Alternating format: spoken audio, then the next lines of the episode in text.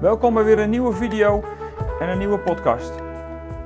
Mijn naam is Theo de Koning van eindeloosgelukkig.nl en eindeloos gelukkig, daar hebben we het grote verlangen om het koninkrijk van Jezus Christus in deze wereld meer en meer zichtbaar te mogen maken. En bij eindeloos gelukkig hebben we ook het verlangen om elke gelovige tot een discipel van Jezus te laten zijn in deze wereld. Krachtig de bediening van Jezus voortzettend. En daarnaast, in deze serie natuurlijk hoop ik je te bemoedigen midden in de eindtijd waarin we leven. Want de serie waar we mee bezig zijn is nog steeds een serie Leven in de eindtijd. En we zijn er wel achter dat leven in de eindtijd aan de ene kant de realiteit is waarin we zitten. Maar als je dan in het boek Openbaringen gaat kijken, dan ontdek je toch wel heel erg veel in het boek Openbaring waarvan je denkt van, wat wordt hier nu mee bedoeld en hoe zit dat dan? Nou, we zijn ondertussen aangekomen daarom bij hoofdstuk 7. We zijn al een poosje aan het lezen en aan het onderzoeken wat er nu precies staat. En vooral ook, we bemoedigen elkaar maar steeds. En dat doen we iedere keer maar weer door tegen elkaar te zeggen. In hoofdstuk 4 stond die troon in de hemel en daar zit iemand op die, die regeert. Dat is natuurlijk God. En hij heeft het allemaal in zijn hand. En hij laat niet los wat hij ooit is begonnen. En als je aan hoofdstuk 7 gaat beginnen, dan kom je best wel bij een lastig hoofdstuk terecht. Met allemaal van die dingen waarvan je zegt van, maar waarom dan dit en dat? En wat zegt dit dan? Vooral omdat hoofdstuk 7 volgt op hoofdstuk 6. En nu zeg ik dat wel zo makkelijk, want dat is natuurlijk altijd zo dat 6 op 7, dat, dat 7 op, op 6 volgt. Maar kijk, als je het boek Openbaring, en daar kom ik ook telkens weer opnieuw achter, als je het boek Openbaring wil lezen als een soort chronologisch verhaal, dan loop je telkens vast. En ik merkte toen ik met hoofdstuk 7 bezig ging, dat ik toch die valkuil weer een beetje instapte. Ik probeer dan maar weer iedere keer te denken dat het volgende hoofdstuk een vervolgstap is op wat al geweest is. Maar dat is niet zo en dat hoeft ook niet. Ik denk wel dat hoofdstuk 7 in dit geval een vervolg is op, op wat er in hoofdstuk 6 is gebeurd. Maar in heel veel situaties in het boek Openbaring zit er geen chronologische volgorde in en is de volgorde van de situaties anders dan dat ze staan in het boek Openbaring. En ik denk dat we dat af en toe wel even tegen elkaar moeten blijven zeggen, zodat je niet gelijk denkt dat iets wat geweest is niet meer terugkomt. Of datgene, dan lees je weer iets en dan denk je, maar dat kan toch niet, want dat klopt niet in tijd en in beleving. Nee, maar zo is het boek Openbaring ook niet geschreven. Het boek Openbaring is voor Johannes, denk ik, vooral een, een veelheid aan visioenen geweest waarin God niet per se een vaste volgorde heeft aangegeven. Nu denk ik wel dat hoofdstuk 7 het vervolg is van het laatste stukje van hoofdstuk 6. In hoofdstuk 6 hebben we uiteindelijk het zesde zegel geopend zien worden van die boekrol die aan twee kanten beschreven is.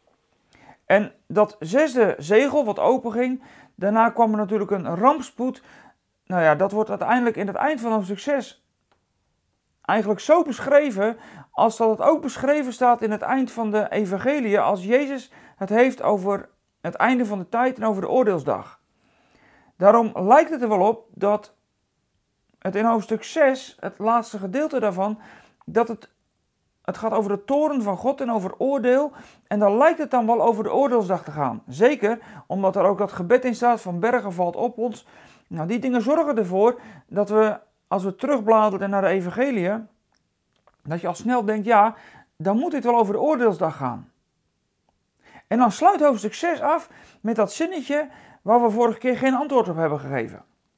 Dan sluit midden in dat tumult van die oordeelsdag, als de oordelen over de wereld beginnen te komen, als uh, de aarde amper meer op zijn plaats blijft, de zon naar beneden zakt, de maan valt naar beneden, de sterren vallen naar beneden. Als dat allemaal gebeurt, ja, dat is dan de oordeelsdag. Maar dan, dan stelt eigenlijk het boek Openbaring onze vraag. En niemand weet wie die vraag heeft gesteld. Zijn dat diegenen geweest die roepen van bergen valt op ons? Degene die uiteindelijk onder het oordeel van God terechtkomen. En toen zeiden we dat is lastig. Zouden er dan geen gelovigen meer geweest zijn? Is er dan daar al een opname van de gemeente geweest? En daar hebben we toen geen antwoord op gegeven en dat geef ik ook vandaag niet. Omdat het in tijd en in volgorde door elkaar loopt en dat daar later nog wel weer een keer een hoofdstuk over komt waar die dingen duidelijker worden. Maar voor dit moment blijkt dat allemaal niet zo belangrijk te zijn. Maar het is wel even belangrijk, wie heeft nu die vraag gesteld? waar hoofdstuk 6 mee eindigt. Want nu is de grote dag van hun toren aangebroken. Hun toren, dat is de toren van God en van het Lam. Dus het is de oordeelsdag, het moment dat God eigenlijk verhoort wat die zielen onder het altaar hadden gebeden. God gaat recht doen en gaat het onrecht aan de kaak stellen wat de martelaren die gestorven zijn vanwege hun geloof, dat onrecht wat hen is aangedaan, dat gaat God rechtzetten. En daarom breekt dus die oordeelsdag aan bij dat zesde zegel. En dan is die vraag, wie kan die dag dan doorstaan? Is dat dan een vraag geweest van degenen die op dat moment nog op aarde zijn en onder die enorme toren van God terecht zijn gekomen? Ik zou bijna zeggen van niet. Ik denk niet dat die laatste vraag van hoofdstuk 6 eh, bij het gebed hoort van bergen valt op ons en dat ze proberen weg te kruipen in de spelonken, in de rotsen. En, en ik denk niet dat dat de ongelovigen die nog over zijn, dat die die vraag stellen. Ik denk veel meer dat het een vraag is die vanuit de hemel klinkt, of die het boek Openbaring hier opwerpt als een soort vraag waaraan hoofdstuk 7 een antwoord op gaat geven. Want er is namelijk wel een antwoord op die vraag. Wie kan ontkomen aan de dag van Gods toren? En ten dele zal dat antwoord je verrassen. Wie kan ontkomen aan de dag van Gods toren? Laten we hoofdstuk 7 even lezen. En ik ga proberen je een klein beetje door het hoofdstuk maar mee te nemen. Want anders wordt het misschien wel een beetje chaotisch voor je. Dus er staan in hoofdstuk 7 eigenlijk twee visioenen. Of misschien één, maar heeft twee kanten. Nou, dat is niet helemaal duidelijk. Er zit wel een knip in nou ja, we zullen het zo wel zien. En ik denk dat dat heel duidelijk maakt dat er uiteindelijk twee grote groepen in de wereldgeschiedenis zijn die die toren ontvluchten. Hoofdstuk 7, het eerste vers. Hierna zag ik vier engelen bij de vier hoeken van de aarde staan en ze hielden de vier winden van de aarde in bedwang. Om te voorkomen dat er een wind over het land of op de zee of door de bomen zou waaien. En ik zag in, de, in het oosten een andere engel opstijgen, die het zegel van de levende God had. De vier engelen die de opdracht hadden gekregen om schade toe te brengen aan het land de zee en de zee, riep hij met luide stem toe: Laat het land en de zee en ook de bomen nog ongemoeid. Eerst moeten wij het zegel van onze God op het voorhoofd van zijn dienaren aanbrengen. Hier stop ik even ga straks wel verder, hou je Bijbel er maar bij. Er staan dus in dit visioen bij Johannes vier engelen. Die staan in de vier windrichtingen waarschijnlijk. En die winden die staan eigenlijk symbool voor de krachten en de machten die over de aarde zullen gaan. Waar eigenlijk dat zesde zegel in hoofdstuk 6 mee afsluit. Die engelen die staan op het punt om die winden los te laten als het ware. Dus die oorlogsdag die breekt aan. En het allerergste gaat nu komen. En er staan vier engelen voor en die hebben dat in hun hand. En die vier winden, die, die gaan zij dus loslaten. Maar net voordat ze dat willen doen, komt er ineens een andere engel. Die komt, die komt uit het oosten vandaan, de kant waar de zon opgaat. Dat is voor een Israëliet en voor een Jood is dat de plaats waar de hulp van de Heer vandaan komt. Dat is altijd het oosten. Uit het oosten zal de Heer komen. Daar wordt hulp vandaan verwacht. En daar komt dan een engel vandaan en die zegt dat ze nog even moeten wachten.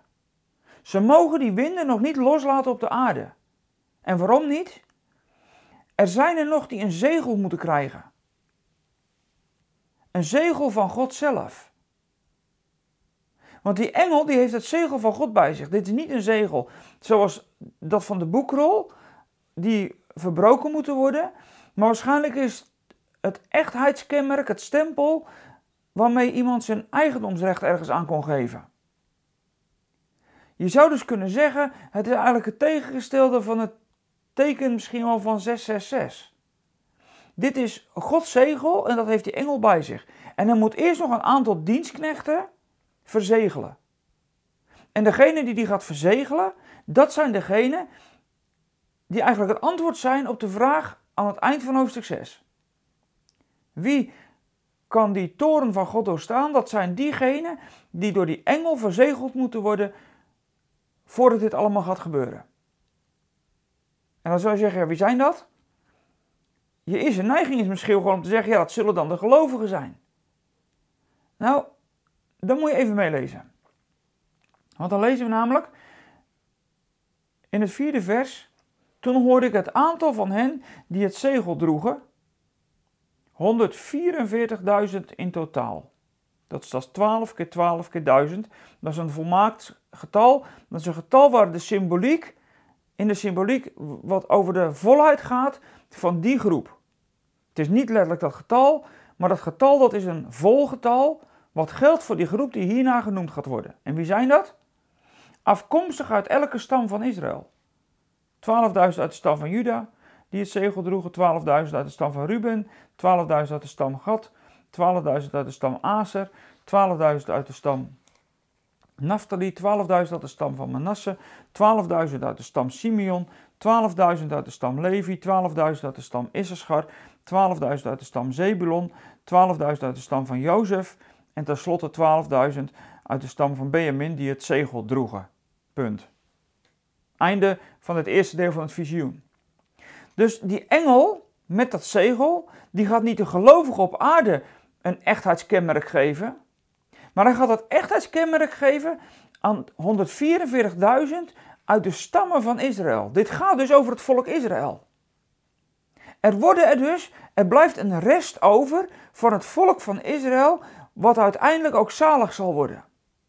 En dat zijn niet degenen in het algemeen die Jood zijn. Maar als je straks doorleest in het hoofdstuk, dan zal je ontdekken dat gaat over degenen die Jezus als de Messias hebben aangenomen.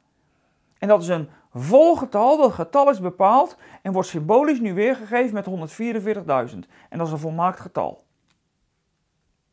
Als je goed hebt gelezen en een beetje Bijbelkennis hebt, en voel je nou niet gelijk veroordeeld als je het niet hebt, want het is ook dat mijn docent ooit het in mijn theologische opleiding erop wees dat dit een, iets in de tekst is, anders had ik het misschien ook nooit geweten en was ik er ook overheen gelezen.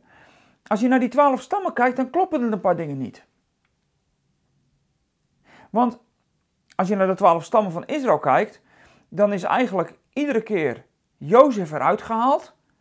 En daar is Manasse voor in de plaats gekomen. Dat heeft met de lijn te maken die Jozef in de zegen ook heeft gegeven aan, aan Manasse. Dus Manasse is eigenlijk de vervanger van Jozef iedere keer in die, in die lijsten met, met, uh, met stammen. Alleen het ontbreekt ook een stam. En het gekke van het verhaal is dat Jozef vervolgens weer is toegevoegd. Die kom je, als je de verdeling van het land bijvoorbeeld ziet, in het, in het Oude Testament, bij Jozua en in Deuteronomium met, met Mozes, dan kom je Jozef nooit tegen dan kom je altijd in plaats van Jozef, kom je Manasse tegen. En dan de halve stam van Manasse is aan de ene kant gebleven en de andere helft van de stam van Manasse is aan de andere kant van de Jordaan gegaan. Dus Manasse is eigenlijk het verlengde van Jozef en Jozef valt er daardoor tussenuit.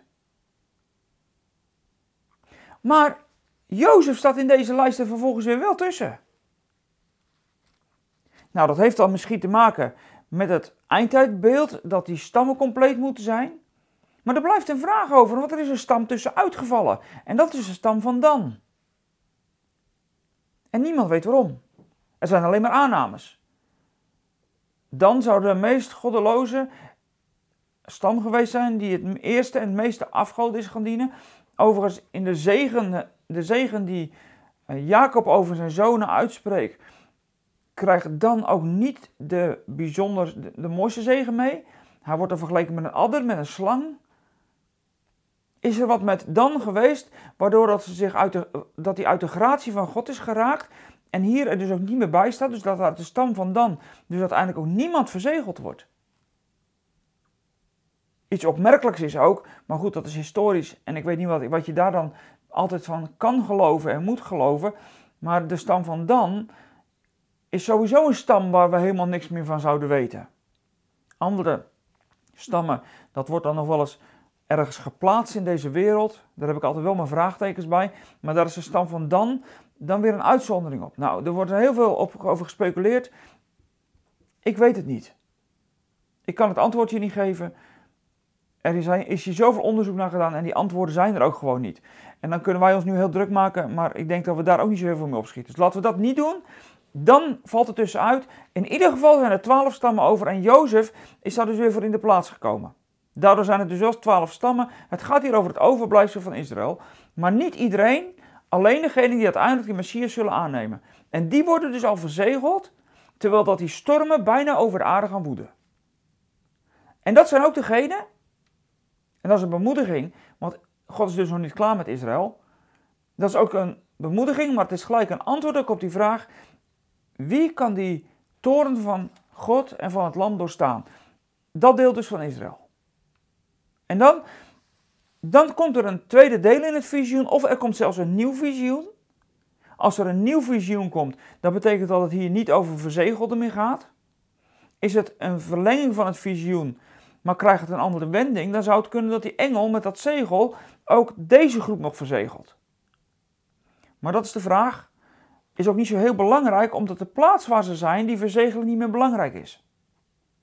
Want die verzegeling zorgt ervoor, als die storm over de aarde woeden, dat zij uiteindelijk niet geraakt worden door de toren van God. Je moet eigenlijk een beetje denken aan het volk Israël, eh, dat uit Egypte mag gaan vluchten bij de tiende plaag. Waar bloed van de deur zit, daar ging die doodsengel voorbij.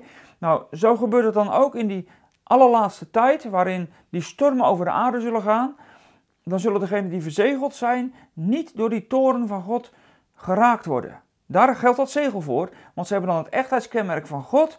En als ze dan die engelen over de aarde gaan, net als bij uh, Israël in Egypte, dan zullen zij niet getroffen worden. Maar dan is er nog een tweede groep. Hierna, schrijft Johannes dan, hierna zag ik dit, een onafzienbare menigte. En hier gaat het niet meer over een symbolisch getal. Hier ziet Johannes een beeld van een enorme menigte. Dat was in dat andere niet. Dus het is een andere manier van kijken van Johannes hier. Hij zag een onafzienbare menigte die niemand tellen kon. Uit alle landen en volken, van elke stam en van elke taal. In het wit gekleed, met palmtakken in hun hand, stonden ze voor de troon van het lam en luid riepen ze: De redding komt van onze God die op de troon zit en van het lam. Alle engelen stonden om de troon en de oudste en de vier wezens eromheen.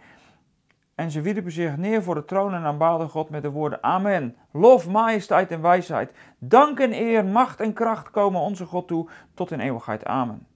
En een van de oudsten sprak mij aan: Wie zijn nou daar in het wit? En waar komen ze vandaan? En het antwoord is bijna, ik denk dat het een retorische vraag is. Johannes kan hier geen antwoord op geven, want hij weet het niet. En dan zegt hij ook: Ik antwoord, ik antwoordde: U weet het zelf, Heer, of mijn Heer. Hij spreekt die oudste aan met een eerbiedsterm. Dus hij heeft er ook wel ontzag voor en accepteert hem als oudste. En dan zei hij tegen Johannes: Dat zijn degenen die de grote verdrukking hebben doorstaan. Of die grote verdrukking dat zesde zegel is, is hier niet duidelijk.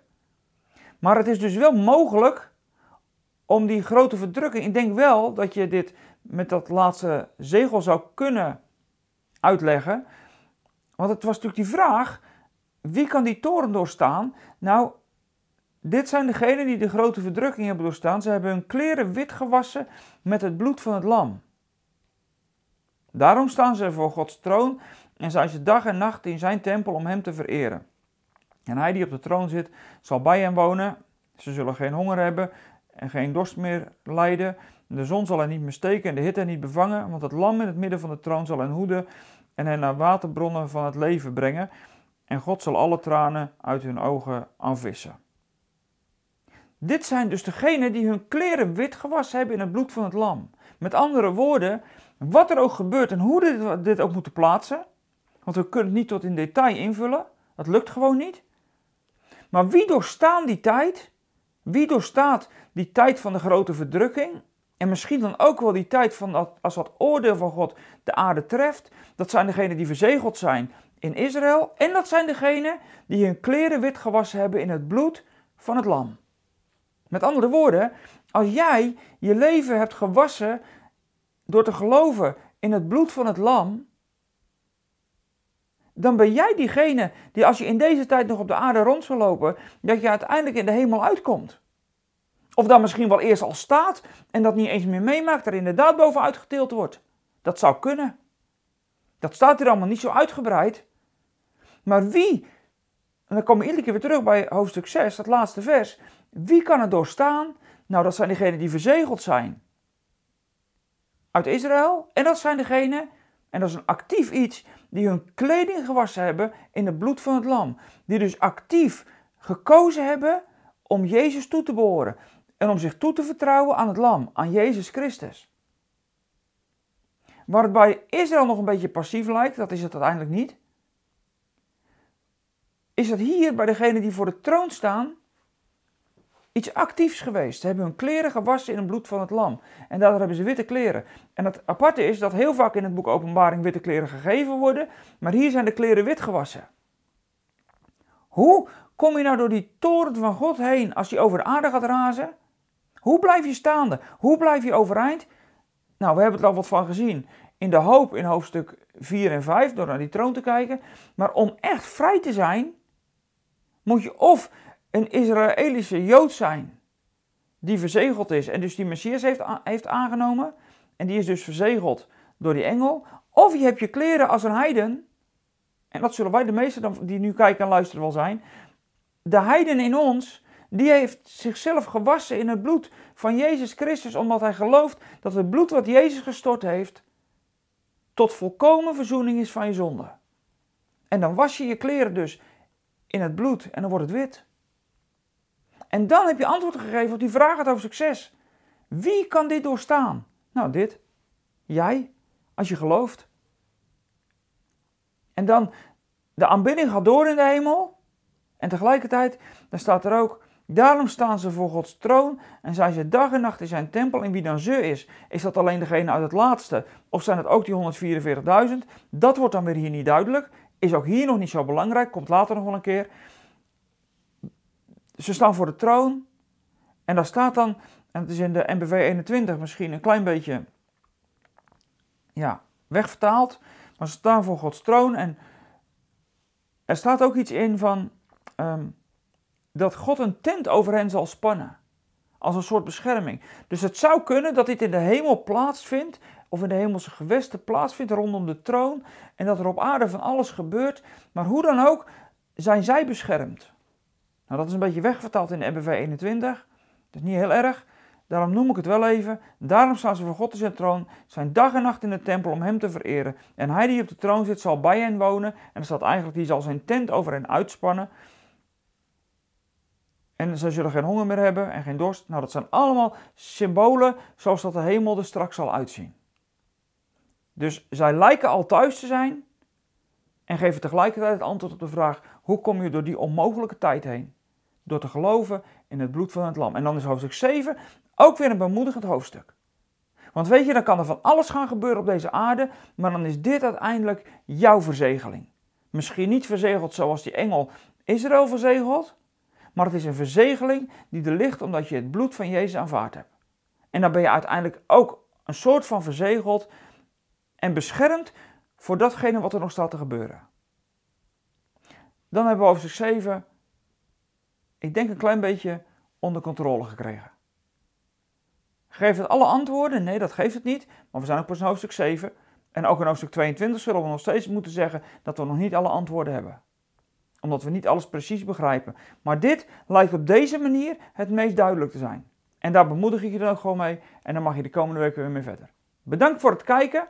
Goed dat je erbij was, goed dat je meedoet. Ik zou zeggen, blijf het ook delen. Blijf het vertellen dat deze serie loopt en dat je er gewoon veel van kan leren. Ondanks dat ik ook niet alle antwoorden heb en die hebben we met elkaar niet, maar we kunnen elkaar wel blijven bemoedigen en hoop blijven geven. Dan dankjewel voor nu en ik zou zeggen tot volgende week. Geef even een blauw duimpje als je dat nog niet hebt gedaan. Abonneer even als je nog niet geabonneerd bent op ons kanaal.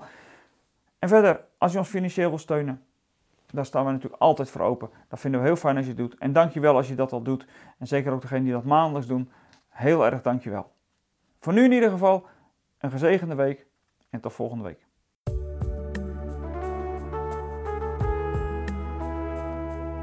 Zijn er weer aan het einde van deze podcast. Spreken deze podcast je aan en wil je ons met de gift ondersteunen? Kijk dan voor meer informatie op www.eindeloosgelukkig.nl slash podcast.